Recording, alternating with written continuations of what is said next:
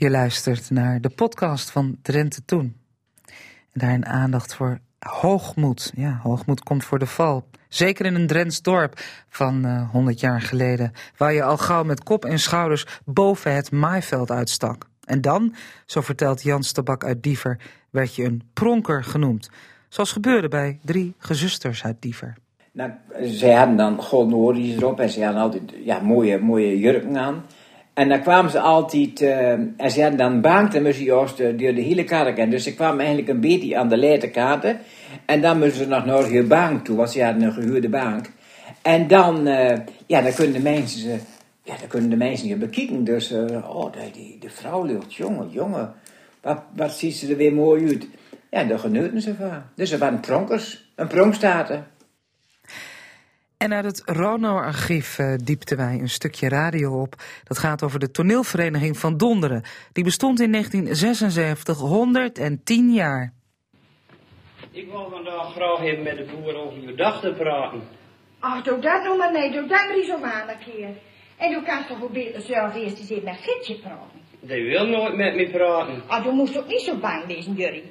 Kijk eens, als je met haar van zingen komt, dan moest je eens goed vasthouden. Dan komt alle vanzelf. Ja, 1976 zou er veel veranderd zijn. Ook hoort u de kenner van de historie van Drenthe's levende haven, Henk Luning, over de Asser Dierentuin, die er ooit even was, tussen 1878 en 1879. Bij gebrek aan interessante dieren ging het eigenlijk al vrij snel fout. Men noemde het eigenlijk het kippenhok. Wel, er waren veel kleine vogeltjes te zien en er waren natuurlijk ook kippen. Uh, wel sierkippen natuurlijk, maar uh, stelde allemaal niet zoveel voor. Henk Luning was dat. Verder aandacht voor de drie broers Spraakman. Zij zoeken informatie over hun vader, een Indiëganger. En ze doen dat onder meer met de Facebookgroep Oud-Indiëgangers Meppel. Nou, wie zoeken ze? Wat zoeken ze? En waarom doen ze dat? Horen Bertus ten Kaat. Hij uh, doet een oproep in verband met het 50-jarig jubileum van de band No Name, zijn band. En u hoort Henk van Leerlels. Afgelopen week is hij overleden op 90-jarige leeftijd. In 2015 waren we nog bij hem om te vragen naar zijn ervaring aan het eind van de oorlog en de bevrijding in Assen. Verder Old Nice en natuurlijk een jeugdherinnering van Wiebe Kruijer. Dit is Drenthe toen. Aan tafel zit Jan-Willem Horstman. Hij is journalist bij het Dagblad van het Noorden. Maar hij is ook jurylid voor de DHV-prijs. De jaarlijkse prijs van de Drentse Historische Vereniging. Vorige week hoorde u al eh, juryvoorzitter Art van der Tuuk over de drie genomineerden van, ik meen, veertien inzendingen. Uh, die drie genomineerden zijn twee boeken en een project. Nou, de komende weken gaat in dit programma steeds één jurylid van de vierkoppige jury een genomineerde toelichten een beetje verkopen, misschien zelfs wel. Want de jury stemt, maar wij mogen ook stemmen voor de publieksprijs. Eerst maar eens even kennis maken met uh, Jan Willem. Ik mag Jan Willem zeggen, fijn dat je er bent, welkom. Um, Jan Willem, wat doe jij allemaal bij uh, de krant? Ik werk uh, bij Dagblad van het Noorden in Emmen. Ik zit op de regio Zuidoost-Drenthe. En ik, dat is het gebied waar ik geboren en getogen ben. En ik werk daar al vanaf 1999. En ik schrijf eigenlijk over allerlei zaken die in Emmen gebeuren. Ja, en niet alleen voetbal, hè? Niet alleen voetbal, nee zeker niet. Ik ben geen sportverslaggever. Ik doe wel allerlei dingen rond FCM'en. Maar uh, als de bal rolt, dan kijk ik alleen en schrijf ik niet. Maar ik schrijf wel allerlei dingen over randzaken. Ja.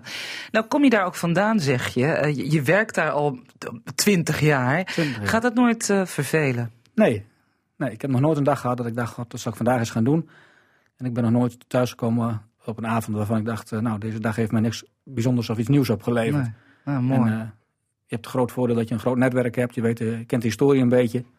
Je weet uh, waar je moet zijn. En uh, dat maakt het, maakt het voor mij betreft leuk. En wonen in het gebied waarin je werkt is het allerleukste. Want je krijgt voortdurend reacties van mensen die, waar, je ook, waar je ook over schrijft. Ja. Nou is Drenthe geen grote provincie. Maar de verschillen qua geschiedenis onderling die kunnen enorm zijn. En dan denk ik zeker aan de Zuidoosthoek, die toch ook een heel eigen ontwikkeling uh, heeft doorgemaakt.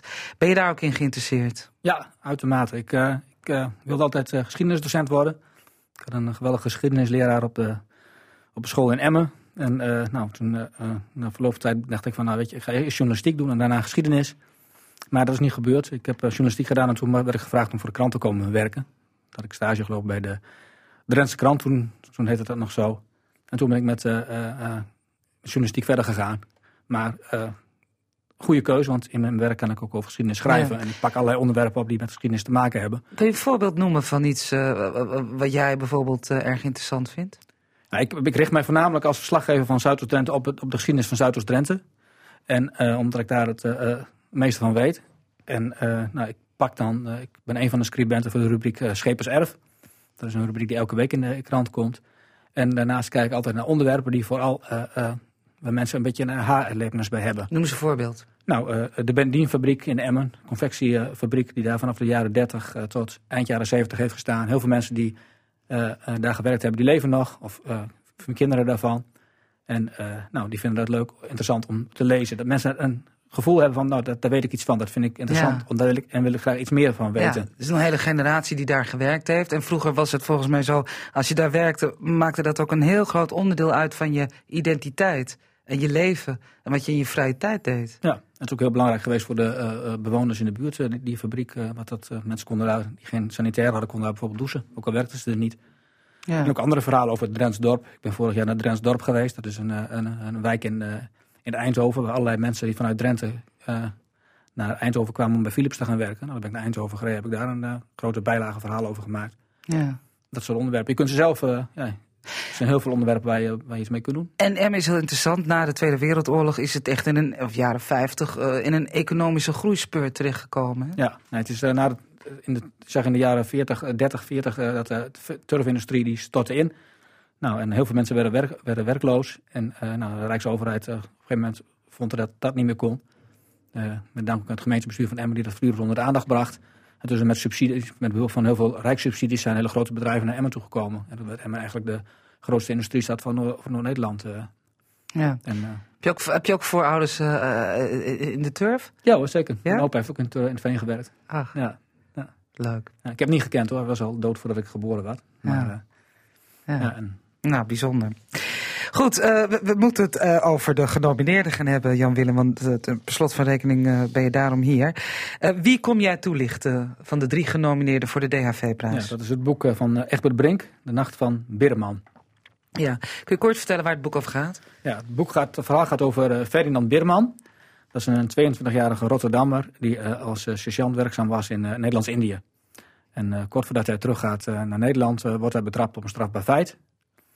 En in, uh, in, in Nederlands-Indië. Ja, hij heeft wat gejat, hè? Ja. ja. Ja. ja, ik weet nooit of ik dat, ik of ik mag vertellen. vertellen. Dus. Nee, ik ook niet. Maar goed, ik, heb, ik heb het niet verteld. Nee, nou, nee. hij heeft iets gejat. Ja. Anders leest het boek maar. Ja. Maar ga door. Ja, maar wat heeft hij gejat, dat vertellen we niet. Maar de krijgsraad heeft hem daar veroordeeld voor uh, vijf maanden cel. En uh, nou, uh, die celstraf heeft hij in Nederlands-Indië niet uitgezeten. Dus per schip rijdt hij, reist hij vervolgens met 23 andere gedetineerden terug naar, naar Rotterdam, zijn geboortestad. Nou, Beerman dus, is uh, opgegroeid in, in, Rotterdam en uh, zijn, is vader van een tweeling, twee meisjes. En bij aankomst van Rotterdam krijgt hij zijn vrouw en kinderen niet te zien. Hij gaat rechtstreeks door naar Veenhuizen om het resterende deel van zijn straf uit te zitten daar. Ja. En Egbert Brink die duikt in archieven en die brengt het leven in kaart van deze Beerman. En, want deze Beerman die komt vier dagen nadat hij in Veenhuizen arriveert, komt hij onder verdachte omstandigheden te overlijden. En Beerman brengt eigenlijk zijn, zijn leven in kaart. Ja, Brink doet dat. Ja, Brink, ja. Dat, uh, dat, uh, je raakt nu alweer aan een paar werelden, namelijk die van de repatriëring van Indische Nederlanders, maar ook militairen die daar uh, waren gestationeerd, die allemaal per schip terug naar Nederland moeten, waaronder Beerman. Maar ook het Veenhuizen in die naoorlogse jaren. Ja. Want dat is, dat is ook een wereld op zich, hè? Ja, nee, klopt. Het, is, het Veenhuizen veranderde in die jaren. In, het was, eerst was het een plek voor, voor zwervers. En uh, na de oorlog werd het een, werd het een gevangenis. En uh, daar kwamen allerlei verschillende mensen kwamen daar terecht. Gewone criminelen. Mannen die geweigerd hadden om naar Indië te gaan om daar uh, als militair te dienen. Maar ook oorlogsmisdadigers. Zware oorlogsmisdadigers. Jozef Cortella heeft daar gezeten onder middenbeul van Amersfoort. Een van de drie van Breda heeft daar gezeten. Dus echt ja. zware, zware oorlogsmisdadigers, landverraders. Dat, dat zit er allemaal bij elkaar in ja. Venhuizen. Ja. En dan zit die Beerman op zich nog, ja, die zit in de ziekenboeg, hè? Ja, de korte klopt. tijd dat hij er is. Ja, ja. Even wat ziek, uh, wat ziek als hij daar is. En, uh, ja, ja. en hij wat, uh, brengt, die gaat dan, is de archieven ingedoken en die kijkt aan de hand van archieven en verklaringen van allerlei mensen die met hem te maken gehouden hebben. In, vooral in die periode, in die vier dagen. van wat er nu eigenlijk is gebeurd. Ja. Waarom is deze man doodgegaan? Wat trof jullie als jury, of jou als jurylid zo in dit boek? Ja, nou, het boek is, eh, is, is, is goed geschreven. Eh, het, hij heeft heel uitvoerig onderzoek gedaan, de, de schrijver, dat merk je aan alles. En eh, de aanpak is ook origineel. Het is eh, in, eh, hapklare brokjes eigenlijk, als het ware. Als in kleine hoofdstukken worden verschillende betrokkenen aan het woord gelaten. Waardoor je langzaam een, een beeld krijgt van wat er eigenlijk, wat er eigenlijk gebeurt. En, en ook een beeld krijgt hoe dat Veenhuizen is in de, kort na Ja. de oorlog. En Ja. dat, eh, dat maakt het interessant. En het, is het leuke is dat het ook vanuit een persoonlijk verhaal wordt een groter beeld beschreven. Dus je krijgt een, een zicht op het, eh, op het leven en het eh, sterven van Weerman. Maar ook hoe het in Veenhuizen was in die jaren. Ja. En het is allemaal echt gebeurd en eh, dat is ook wel aangrijpend. Als je dat dan zo leest, hè, je bent zelf ook nog een jonge vent. Dit was dan een man, een jongen van 22, Ja. ehm, met een gezin, met al een militaire carrière achter de kiezen. En een, een crimineel vergrijp in voormalig Nederlands-Indië. Vergelijk je dat dan wel eens met jezelf? Ja, vergelijk je met jezelf. Nou ja. je, denkt wel van, god, eh, eh, Zo hoe, jong hoe had het anders, eh, hoe had het anders kunnen gaan met deze, met deze man? En, en wat heeft hij nou eigenlijk allemaal gedaan? En eh, ja, je krijgt wel enige, enige medelijden met deze man. Ja, Ja. ja. Het, is, het is niet niks eh, Nee. wat hem overkomt. En je vraagt je natuurlijk af van waarom is hij, waarom is hij overleden? Wat is er gebeurd? Ja, en, en daar krijgen wij. Nou ja, afijn, we verklappen helemaal niks, Jan-Willem.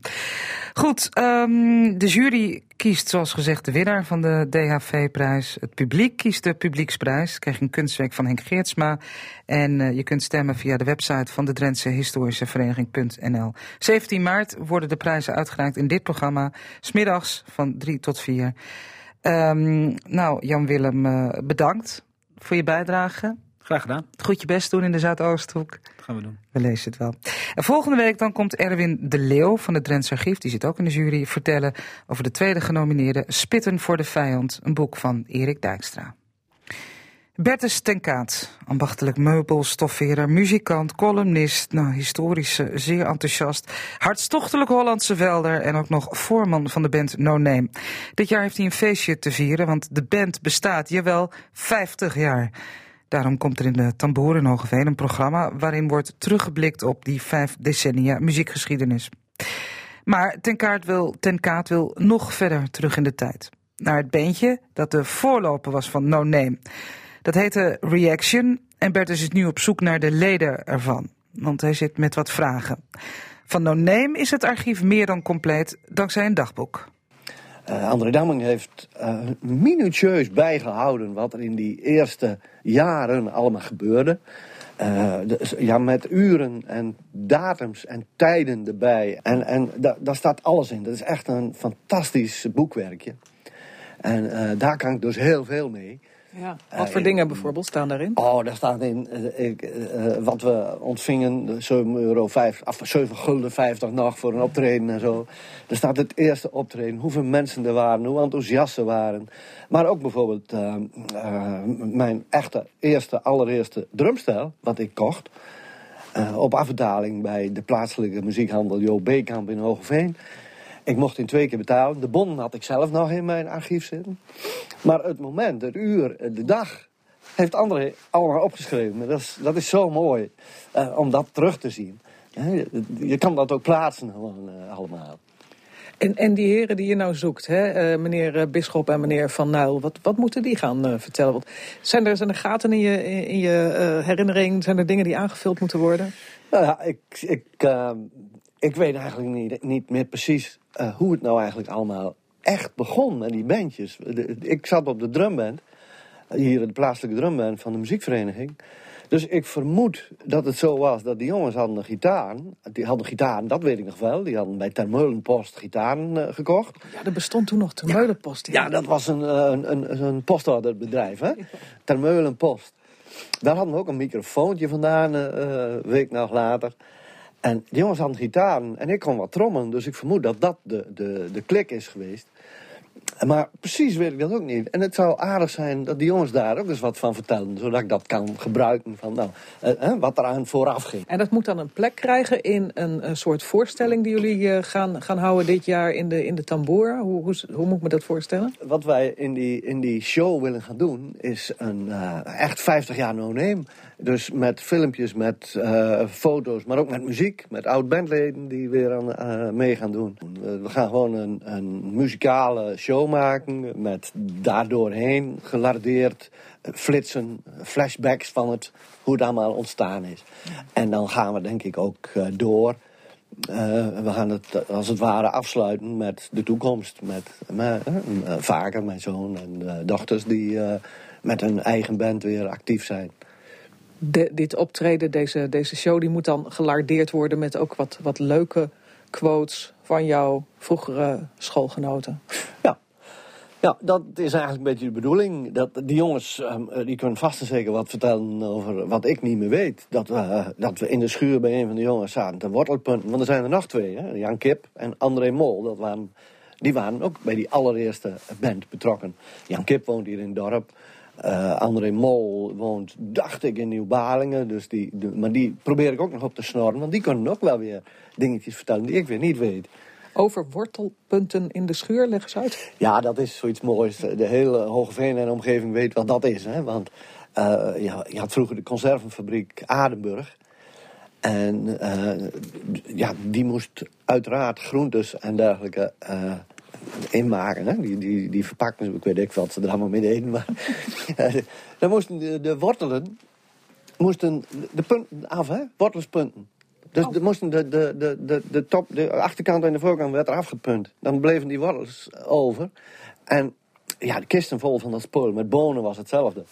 Uh, ging het dorp hier, er was een centraal punt waar je die dingen op kon halen. En dan verdiende je daar een paar cent mee. En dat deden wij met dat allereerste bandje ook. Dus wij hadden kisten vol met wortels. En nou, dat is ook zoiets. Ik weet, ik zie mezelf nog zitten daar.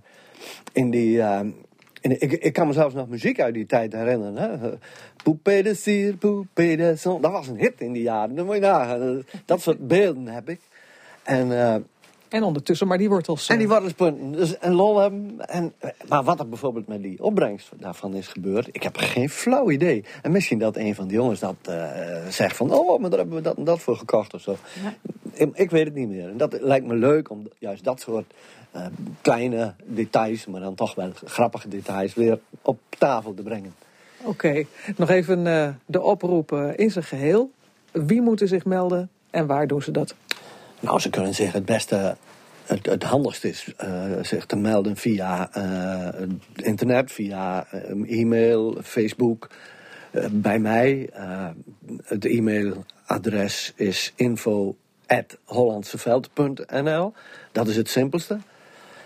En ja, ik wil graag contacten met Jaap Bisschop, Henk van Uyl, Jan Kip en André Mol. En die zijn allemaal zo ongeveer in de leeftijd, ik denk 67, 68 ondertussen, in die rooi. Ja, Bertus ten Kaat hoort u in gesprek met collega Lydia Tuinman. Weet u waar de gezochte heren uithangen? Mail ons dan even of anders naar info.hollandseveld.nl. En volgende week gaan we met Bertus ten Kaat op een sentimental journey. Dan gaan we kijken wat er in de loop van de jaren allemaal verdween uit Hollandse veld. Om te beginnen met de molens. Die verdwenen, maar gelukkig heeft Bertus, die alles bewaart, er nog een flink stuk van in de tuin liggen. Old Nijs. In deze aflevering van Drenthe Toen houden we een mooie bijdrage over de Asserdierentuin. Die heeft er echt west, eind 19e eeuw, in het Asserbos. Een dierentuin die voortvarend van start gewoon is, met hele ambitieuze plannen. Maar al gauw kwam de klad erin. En in de provinciale Drijnse en Azerkraan stiet het nodige te lezen over deze inrichting in die periode. Veel ingezonden brieven en veel artikelen over de gestage neergang van de dierentuin in Assen. In maart 1880 zat het bestuur met een tekort van 2000 gulden. De bezoekersaantallen die mussen omhoog. En om dat te bereiken kwam ook in dat jaar de heer Krieger naar de dierentuin om zijn menagerie te laten zien. Maar een paar dagen leek de tuin wel een echte wilde dierentuin met leeuwen, tijgers, hyena's. En de assenaden die kennen die dieren toen het niet alleen maar van plaat is. We vinden in de krant van 1880 een advertentie van deze krieger en die wil ik je niet onthouden. Roofdierentheater zal zondag en maandag eerstkomende in den dierentuin al hier te zien zijn. De voor Europa grootste en talrijkste menagerie bevat leeuwen, tijgers, luipaarden, gevlekte en gestreepte hyena's, Russische en Siberische wolven, zwarte en bruine beren, een miereneter, wasberen, civetkatten, slangen, etc. Optreden van de wereldberoemde dierentemmer Godfried Kriegel en de wereldberoemde dierentemster Miss Mamedi. In diezelfde kraan is ook te vinden wat het dan kost, zo'n voorstelling van deze heer Kriegel. Die lid is van de vereniging van Den Asser Dierentuin en zijn huisgenoten hebben telken keren dat zij op de beide dagen den tuin bezoeken, entree ieder voor 25 cents. Ieder van de leden en huisgenoten die ene doorlopende kaart neemt, heeft op de beide dagen altijd vrije entree voor 50 cents. Een ingezetenen van Assen, geen lid der vereniging, betaalt telken keren dat hij op die beide dagen den tuin bezoekt 50 cents. Ook de vreemdeling betaalt elke keer dat hij op die twee dagen den tuin binnenkomt 50 cents. En de advertentie giet nog in verder. Optreden van den dierentemmer Gottfried Kriegel, die zich te midden van de wilde dieren begeeft en de moeilijkste toeren zonder moeite met de dieren zal uitvoeren. Het publiek wordt opmerkzaam gemaakt dat de hokken der dieren bijzonder goed verzekerd zijn en niet het minste gevaar bij het dresseren opleveren. Dat is goed te weten. Het programma van deze meneer Kriegel bevatte onder andere het Afrikaanse feestmaal, waarbij wolven, beren, hyena's in één kooi worden bijeengebracht. Te midden van deze roofdieren wordt een levend schaap gebracht. Ja, dat waren nog eens tijden. Een limtig schaap dat voor de ogen van het publiek aan roofdieren gegeven wordt. Tegenwoordig doet dat wat beschaafder. Wij slacht eerst het dier zelf uit het zicht en geeft het dan als hapklare brok aan de wilde dieren.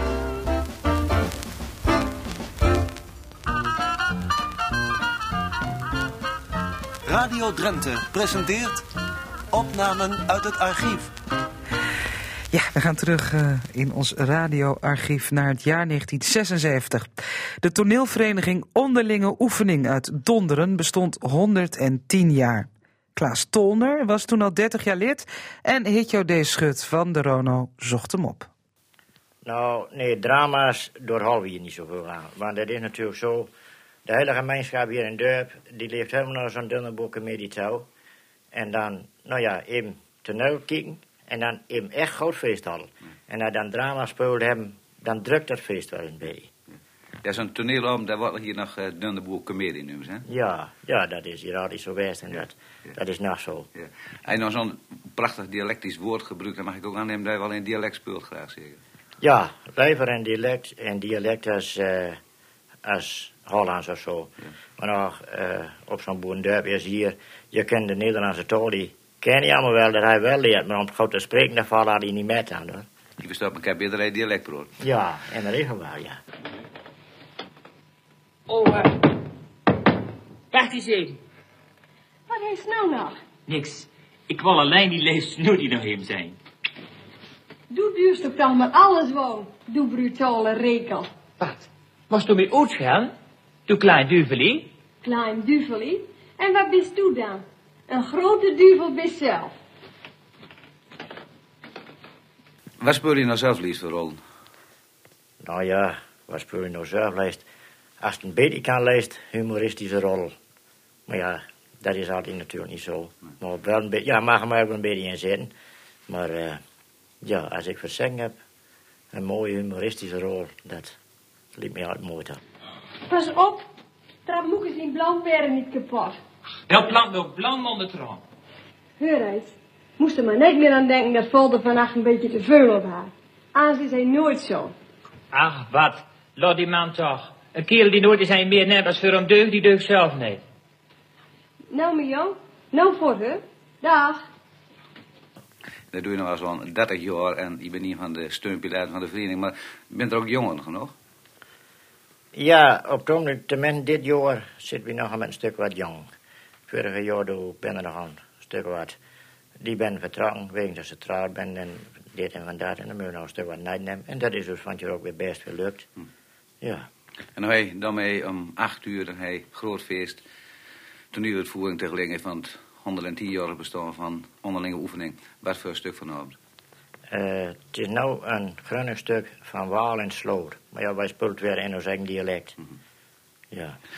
We wensen je en ook alle andere inwoners van Dunden vanavond een heel plezierig gehad. En ook voor de toekomst veel succes met je verdiening.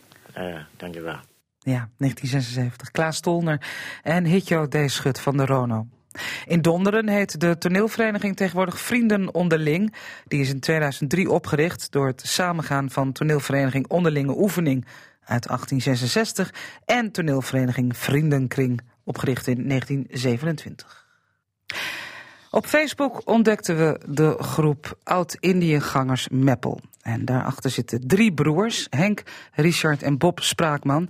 En een van die drie broers heb ik nu aan de telefoon. Henk Spraakman, goedemiddag, goedenavond. Goedemiddag, goedenavond. Fijn dat u uh, er bent. Uh, meneer Spraakman, uh, oud-Indiëgangers Meppel.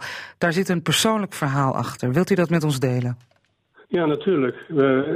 het gaat eigenlijk om nou ja, hoe we begonnen zijn met oud-Indiëgangers Meppel. Dat komt eigenlijk voort uit een artikel wat mijn broer Richard Spraakman had geschreven voor het blad Oud Meppel.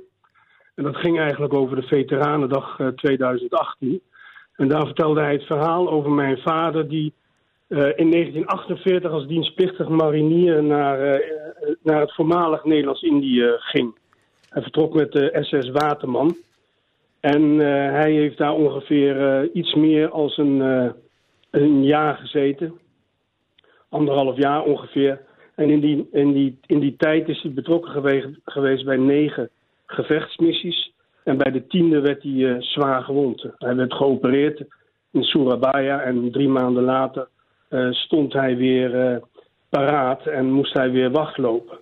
En dat heeft altijd een hele grote rol gespeeld in de familie. Niet alleen dat, dat Indiëgangers, maar hij was beroepsmilitair. En hij vertelde die verhalen over, over, voornamelijk over Indië. En het ging ook in die periode, vertelde hij altijd, over kameraadschap. Het woord sobat, het SOBAT staat voor, voor, voor kameraad, vrienden voor het leven. En, en, en dat is altijd een rode draad geweest in, uh, in de familie en in de verhalen van, uh, van mijn vader. Ja. En, en, en daar, dat is eigenlijk de aanleiding geweest van uh, ons onderzoek naar oud-Indiëgangers uit Meppel. Ja. Hoe heette uw vader? Hij heette Joop Joop Spraakman. Joop Spraakman. En als, als jonge man, want hij was dienstplichtig militair, dus hij zal zo rond de twintig geweest zijn? Ja, dan, nee, dat klopt. Hij was uh, ongeveer 20, 21 jaar. Hij was van 1927 en hij vertrok in 1948 ja. naar, uh, naar Indië. Uit, vanuit Meppel? Ja, hij vertrok vanuit Meppel. Ja. ja. En um, dat, niet als enige ongetwijfeld, want jullie, uh, jullie groep heet niet voor niks Oud-Indiëgangers Meppel. Is er een ja. reden waarom er uit Meppel uh, veel jongens uh, vertrokken? Nou, de, de vertrokken uit Nederland in totaal ongeveer 200.000 militairen in de periode van 1945 tot 1950. Dus iedere, iedere stad, iedere plaats, ieder dorp in, in, in Nederland was wel betrokken bij bij die oorlog. Ja. Ze gingen als, als vrijwilliger, maar er gingen uh, ongeveer uh, 95 dienstplichtigen. Dus ieder dorp, iedere stad had wel uh, jongens die daar naartoe gingen. Ja, um, uw, uw, vader heeft daar veel meegemaakt. Hij is gelukkig teruggekomen. En hij sprak daar dus ook over gedurende zijn leven met zijn zoons. Ja, ja, ja met ons. Met, met, in het begin natuurlijk met met mijn moeder, maar, maar zeker met ons en zeker op latere leeftijd. We hebben altijd, uh, de, wij met z'n drieën, de drie broers, hebben altijd interesse gehad in, in Nederlands-Indië, sowieso in geschiedenis. Dus het was altijd een, een verhaal aan tafel uh, waarover ja. gesproken werd. In tegenstelling tot misschien sommige andere mensen die daar hebben gezeten, soldaten, die weinig vertelden. Ja, dat, want daar doelde ik een beetje op. Hè. Je, je kent ook de verhalen van uh, jongens die terugkomen in de jaren 50. En dan is het hier van, uh, nou hebben we het niet over schouders eronder, tijd van de ja. wederopbouw. En, en die toch wel zaken hebben meegemaakt die ze dusdanig getraumatiseerd hebben. Dat, dat die mannen daar veel problemen mee gekregen hebben. Ja, nou dat, was, dat is ook zo. Hè. De mensen die, die vielen stil en... en dat had ook een beetje te maken met, eh, met de erkenning. Hè. Mensen kwamen terug uit, uit het voormalig Nederlands-Indië. En dat was toch een hele rare oorlog. Hè. Het was de decolonisatie. En het was ook heel raar. En eh, ik wil niet Vietnam erbij betrekken, maar ook, ook die soldaten die terugkwamen, die werden toch in het begin wel vreemd aangekeken. Ja. En zelfs, en zelfs nu, hè, nu is het weer een, een hot topic en ook nu wordt er weer heel veel over gesproken. Dus enerzijds hield men zijn mond. Mijn vader was dat misschien, wilde dat misschien ook wel, maar hij was gewond geraakt in de oorlog. In die oorlog, in, in die in 40, 5, in die, in die eh, eh, decolonisatieoorlog. En daar waren foto's van en er waren berichten van, dus hij, hij ging daar vanzelf over praten. Ja. Ja, u, u, u, u, heeft het nu ook over, dan niet zozeer met uw vader uh, waarschijnlijk, dat, um, nou ja, dat er ook anders naar gekeken werd, hè, ook nu vandaag nog. Terwijl ja. ja. die mannen die waren jong en die wisten niet beter dan dat ze daar voor de goede zaak uh, uh, nou ja, hun leven konden verliezen. Dan moet dat heel pijnlijk zijn om terug te komen in een, in een samenleving die dat niet, nou ja, die dat anders inschat. Ja, nou dat, dat was ook heel, heel vervelend. Um, die, die jongens die, uh, die hadden die, het was een traumatische ervaring geweest, hè, zoals iedere oorlog dat in, in, feite is. En als je dan terugkomt en je wordt dan nog een, een beetje als helden ontvangen, wat eigenlijk ook niet moest hoor, over die, over die, over die periode, maar in ieder geval gesteund werd door de regering en, en noem maar op. En dat, dat bleef eigenlijk een beetje achterwege. Dus ja, laat ja. ik mijn mond maar houden. Ja. En dat gebeurde ook in de families. Ja, Um, jullie, uh, jullie zijn, ik ga even terug naar, de, naar die uh, groep uh, Oud-Indië, ja. Gangers Meppel. Jullie zijn ongeveer anderhalf jaar, een dik jaar bezig nu. En jullie timmeren behoorlijk aan de weg met allerlei oproepen. Dat doen jullie aan de hand van, van stukjes krant bijvoorbeeld. krantenknipsels uit de jaren 50. Waarin, nou laat ik er eentje bij pakken. Um, iemand die zijn dank betuigt aan de, uh, voor de betoonde belangstelling bij mijn terugkeer uit Indonesië. Dergelijke advertenties zie je veel. Wat is de achtergrond daarvan? Nou, die, de, de mensen kwamen terug en die werden in, in, de, in het dorp, in de, in de plaats zelf, of in de straat, laat ik het maar in de straat noemen. Daar woonden hun vrienden, daar woonden de kennissen en daar werden ze wel onthaald. Dus niet in het algemeen, in het groot door de Nederlandse regering als erkenning maar wel in de straat. De jongens die waren weg geweest. Dat waren in het kleine stukje dorp, in de straat, waren dat voor die mensen, voor de buren, waren dat, waren dat toch helden. Ja. Die waren weg geweest en die werden ontvangen en, en, en feestelijk ontvangen met een ereboog. En, daar, en het was een traditie dat dan in de krant werd gezet dat ze de mensen wilden bedanken voor ja. de fijne, wel, uh, fijne thuiskomst. Is uw vader ook op die manier uh, weer terug ontvangen in uh, Meppel? Ja, zoals ik me dat kan het nu niet zo 1, 2, 3 naar voren halen. Maar hij, er hebben ook stukjes in de krant gestaan. En mijn vader is ook zo ontvangen. Ja, ja, zeker. Ja. Ik denk dat dat ook wel belangrijk is geweest voor deze jongens. Ja, dat, ja, dat is ook zeker dat ze in de lokale gemeenschap uh, uh, de, kans hadden, de kans kregen om, om weer terug te komen. Uh, goed, on, goed, goed ontvangen. En, en ja, de mensen moesten ook weer verder. Hè? Ze moesten de meesten gingen weer uit dienst. Die waren dienstplichtig. Dus die moesten weer een baan uh, zoeken. Dus het was voor hun ook heel erg belangrijk om in de stad en het dorp uh, toch wel weer onder de mensen te komen en, en, en welkom te zijn. Ja. Nu zijn jullie bezig met de groep om, nou ja, met allerlei oproepjes. Dat, ja. dat, ik krijg daar de indruk van dat het enorm leeft. Of dat het nog steeds heel erg leeft bij mensen. Die een familielid hebben die oud-Indië-ganger is geweest. Ja, nou dat, dat is ook zo. Je, je, als je er een beetje in verdiept, dan is er op Facebook sowieso zijn er diverse Facebookpagina's die landelijk zijn, maar ook, ook lokaal. En uh, ja, juist dat stukje in Oud-Meppel wat ik eerder al schetste, daar kregen we juist zoveel oproepen, of, of, of, oproepen van, of mensen die belangstelling hadden. Wat doen jullie? Welke, wie is dat? En, en, en en, en die mensen die toonden belangstelling. En dat was niet alleen familie, maar er bleken ook nog enkele oud-Indiëgangers uh, te leven in Meppel. Die reageerden ook, want ook tegenwoordig is iemand die 90 is, die zit op Facebook en achter de computer. Ja. Dus door die vele belangstelling. Eh, dat was eigenlijk het triggerpoint voor ons om te zeggen van... eh, ja, daar moeten wij wat mee doen. Daar, daar, eh, er gebeurt zoveel in Nederland, ook in andere plaatsen... die, die, die doen dingen met betrekking tot die oud-Indiëgangers. En daar moeten wij ook iets mee doen. Waarom willen jullie daar wat mee doen? Nou, het is een stukje, eh, in de eerste plaats is het een stukje erkenning. Hè, de, de, het, het, wat ik net al zei, het leeft niet, zo, niet alleen in Meppel. Het leeft in, in vele andere plaatsen. Ik ben, ik ben eh, in contact met vele mensen in het, in het land die zeggen van... joh, beginnen jullie nu pas in Meppel? Wij hebben het hele traject al gehad. En het is juist voor die familie ook die graag wil weten... van wat, wat heeft er zich nou afgespeeld daar in Indië... Vaak weten ze helemaal niks, omdat de soldaat of de vader, de opa, eh, de man eh, de, mond, de mond hield. En die willen graag weten wat er allemaal gebeurd is eh, in, die, in die tijd. En het is ook een stukje erkenning, omdat vaak dingen werden weggeschoven. Nu ook, nu, nu het weer een hot topic is, dat er over geweld gesproken wordt en dergelijke. Dus mensen willen heel graag weten eh, na, na, na zoveel jaar wat er zich allemaal heeft afgespeeld. En dat is, dat is erg belangrijk. Bijzonder eigenlijk dat daar eh, nou ja, bijna 70 jaar overheen moet. Ja, nou ja, in, in principe wel. Maar het heeft, ja... Kijk, wat ik net al zeg, het speelt wel bij, bij, bij mensen in, in families. Maar eh, ja, laat ik het zo zeggen, uiteindelijk moet, moet iemand eens een keer de stap zetten om te zeggen van ja, dat moeten we oppakken.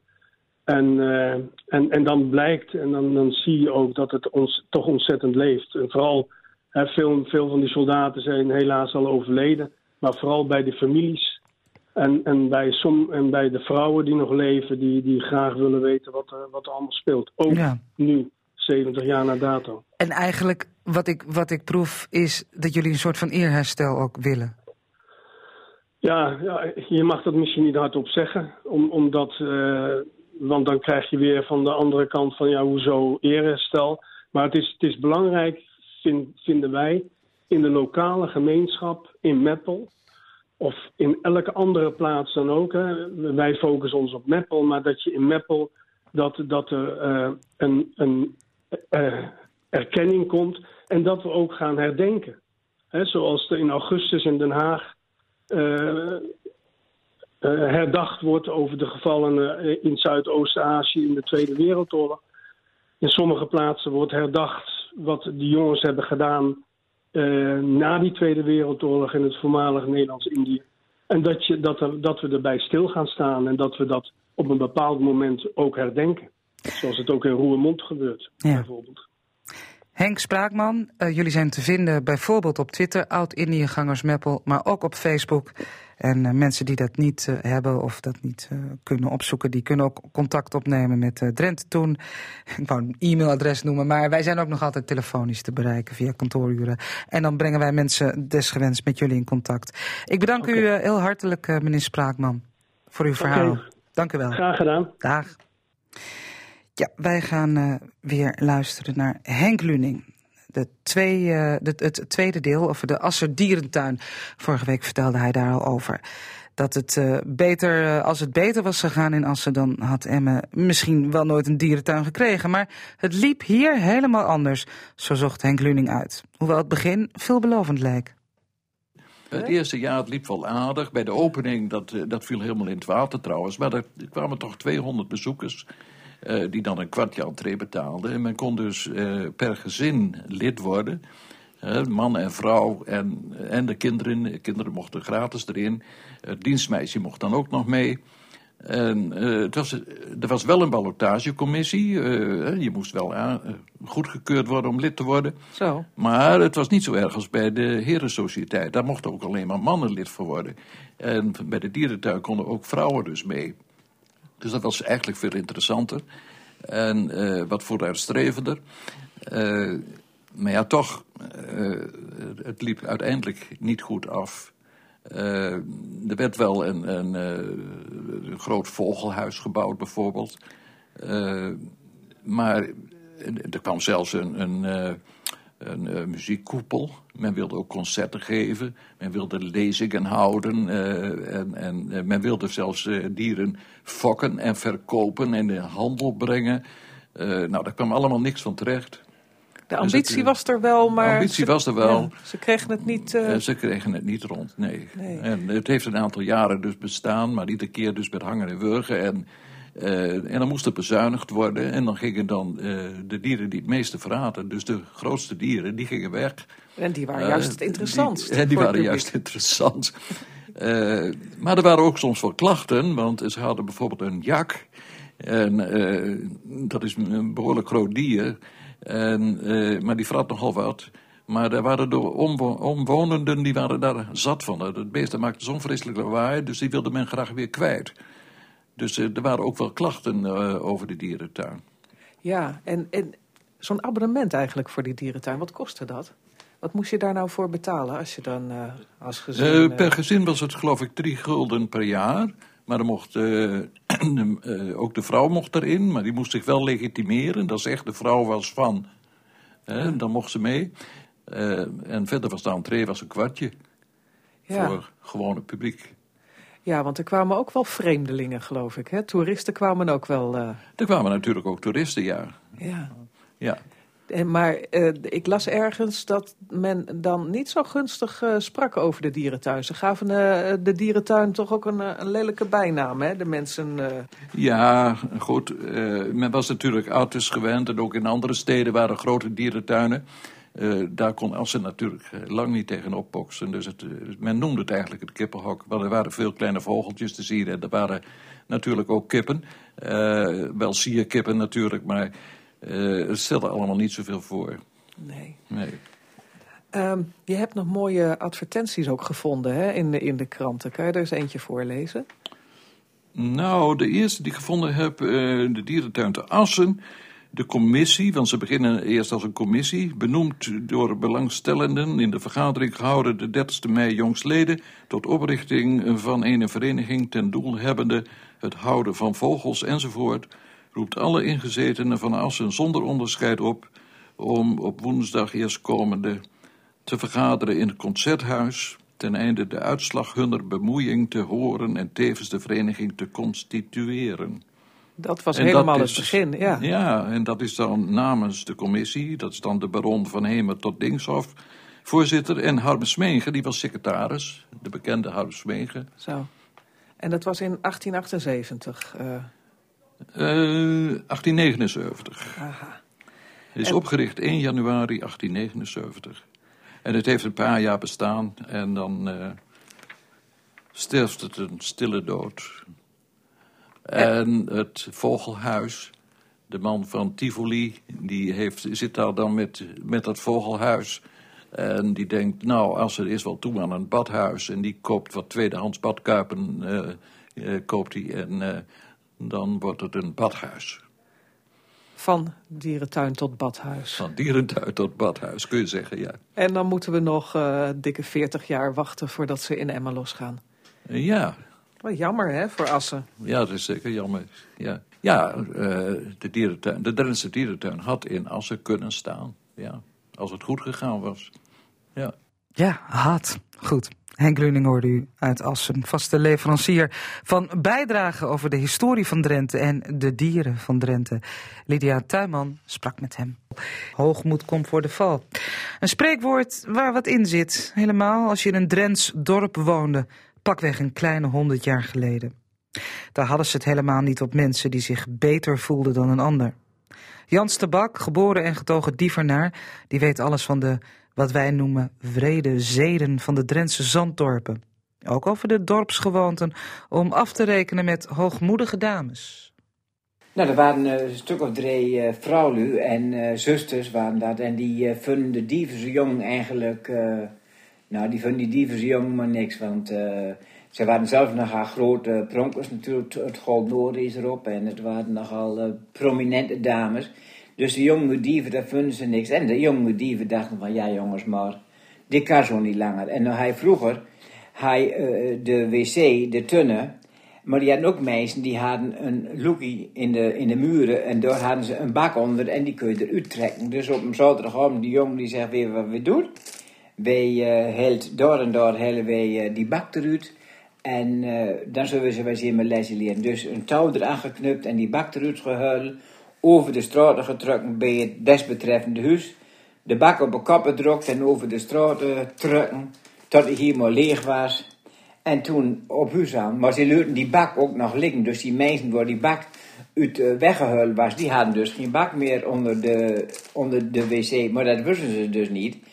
Maar, uh, en toen die vrouw zonnesmorgens opkwam en ze wilden naar de kerk, toen lag de hele straat bezet met uh, uitwerpselen en papier en rommen. Dus toen moesten ze als de wiede weer gaan aan het, uh, aan maken en aan schrobben en aan vegen om de straten weer schoon te krijgen. Maar de meesten hadden het al zien natuurlijk. En de jongen van dieven die waren weer tevreden. Die dachten, ziezo, we hebben ze mooi zijn lesje geleerd en nou zullen we eens kijken. Maar ze zijn geen van allen met een dievense jongen trouw, dus ze hebben volle hal. Maar dat deden, dus, dat deden ze ook de jeugd, want dat was ook weer een verzettie. En het was ook weer een mensen even uh, te wijzen op, uh, nou jongens, je moet ons nog niet onderschatten. Wij zijn wel dieven, maar we zijn niks minder als, uh, dan een vreemde vent die arms weggehaald. En dat deden ze ook. Ja, want die, die dames waren pronkers, zeg jij. Hoe, hoe deden ze dat? Nou, dat waren pronkers. je had vroeger in die verhaal de, de baken verhuren in de kerken en dan... Nou, zij hadden dan golden erop en ze hadden altijd ja, mooie, mooie jurken aan. En dan kwamen ze altijd, uh, en ze hadden dan moesten juist door de hele kerk. En dus ze kwamen eigenlijk een beetje aan de late kaarten. En dan moesten ze nog naar je bank toe, want ze hadden een gehuurde bank. En dan, uh, ja, dan kunnen de mensen ze, ja, dan kunnen de mensen je bekijken. Dus, oh, die, de vrouw lucht, jongen, jongen, wat, wat ziet ze er weer mooi uit. Ja, daar genoten ze van. Dus ze waren pronkers, een pronkstaten. Ja, en dat moet dus even uh, bestraft worden dus. Dat moest episch, uh, ja, en vooral omdat ze de dieven jong niks in de rekening hadden, moest dat episch, uh, moesten dat epische lessen geleerd worden. En dat hebben ze gedaan. Hè. En het is wel gebeurd, want mijn eigen grootvader was erbij. Bij de jeugd?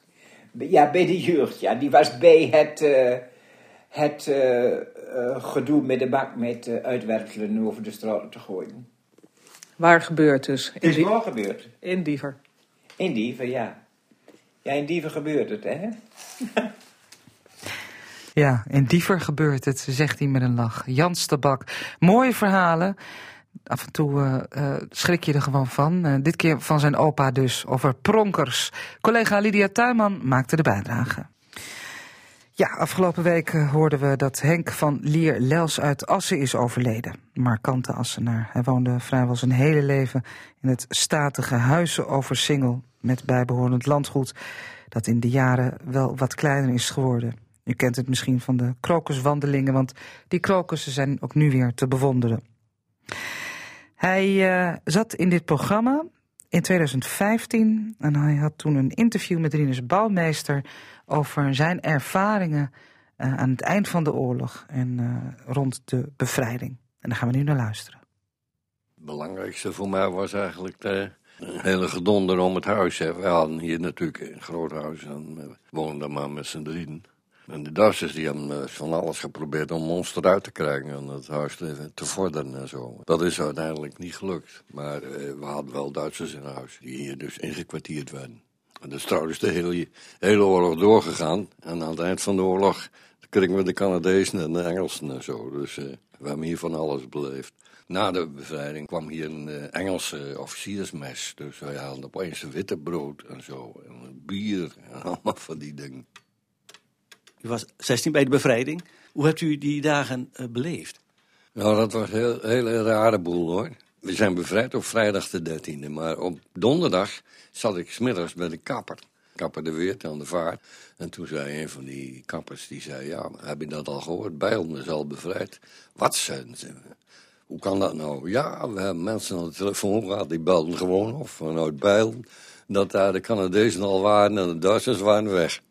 Ik heb toen die nacht van, van donderdag op vrijdag bijzonder slecht geslapen. Want er, er werd geschoten aan alle kanten en uh, alles daverde en, en donderde en zo. En, je hoorde gewoon uh, dat het niet de normale geschoten waren van Duitsers die uh, nou ja, met een geweer eh, zo pats en boem en zo schoten. Maar dit was anders. Het was meer zo van plop, plop, plop, plop, plop, plop.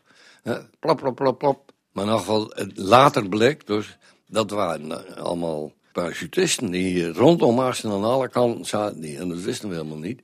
Was u zelf ook bang of bevreesd? Of, eh, Nou, we waren altijd bang. Vooral s'nachts, want die vliegtuigen die dan overkwamen, dan, dan wist je nooit hè, of dat allemaal wel goed kwam. Hè. Soms dan vlogen ze heel laag. En je kon wel horen of een Duitser was of een eh, Engelse Amerikaan. Die hadden een ander geluid. Dat was meer zo zoom, zoom, zoom, zoom, zo. En de Duitsers, dat was meer nee, een hogere en een constantere toon.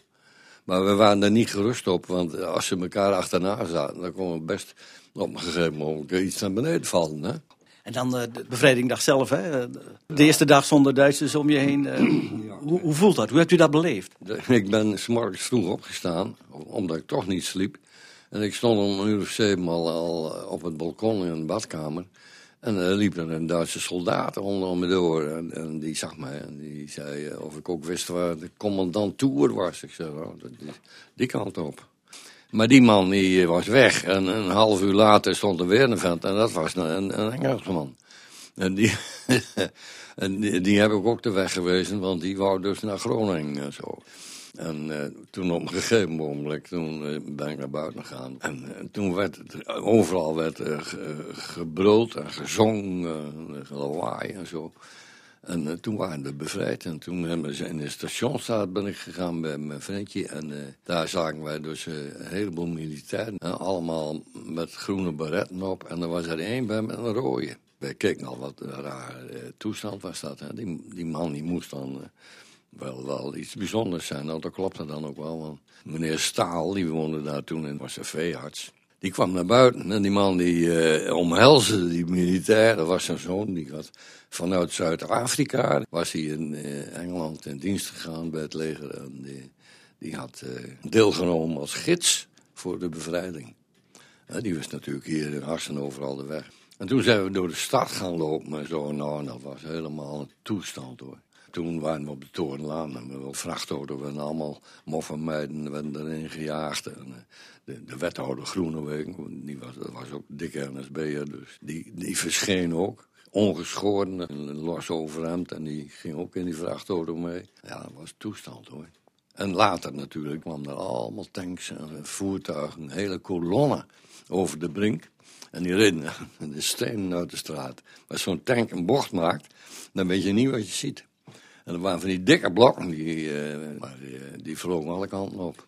En, en eh, wij waren gewend dat het Duitse leger dat bestond uit één luxe auto. En dan allemaal kerels met, met handkarren en, en een paardje met een wagentje en zo. Die Duitsers die hadden bijna niks. En die Canadezen, nou, die hadden zoveel spullen. Dat was allemaal geweldig.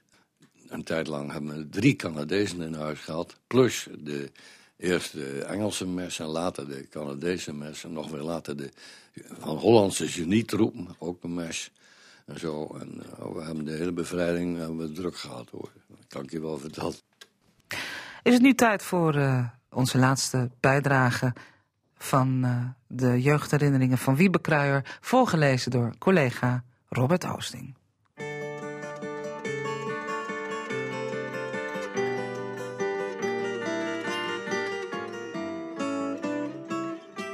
Dat wij thuis bij het werk soms mee moesten helpen was heel gewoon.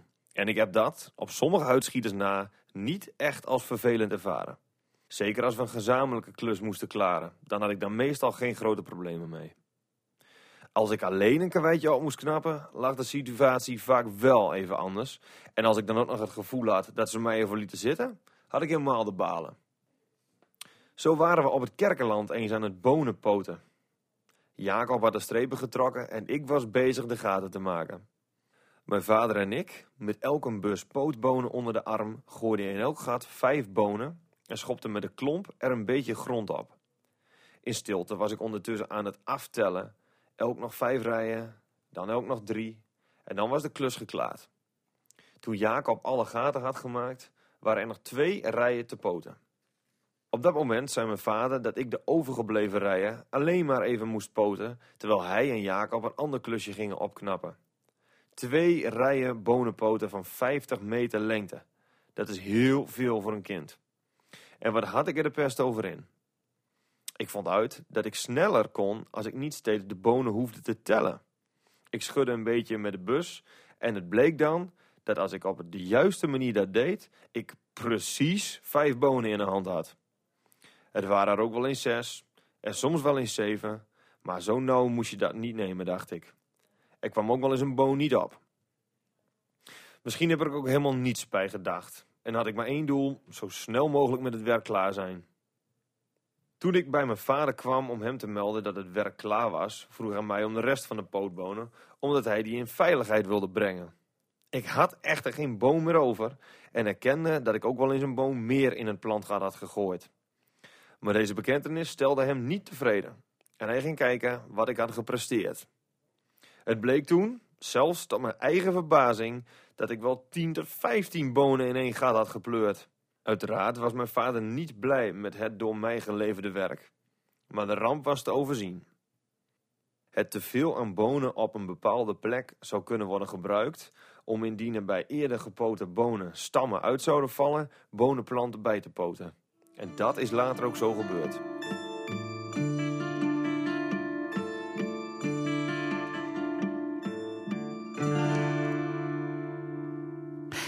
Je luisterde naar de podcast van Drenthe Toen. Luister ook eens naar onze andere podcasts van Radio Westerbork bijvoorbeeld. Of van Cassata. En laat eens weten wat je ervan vindt.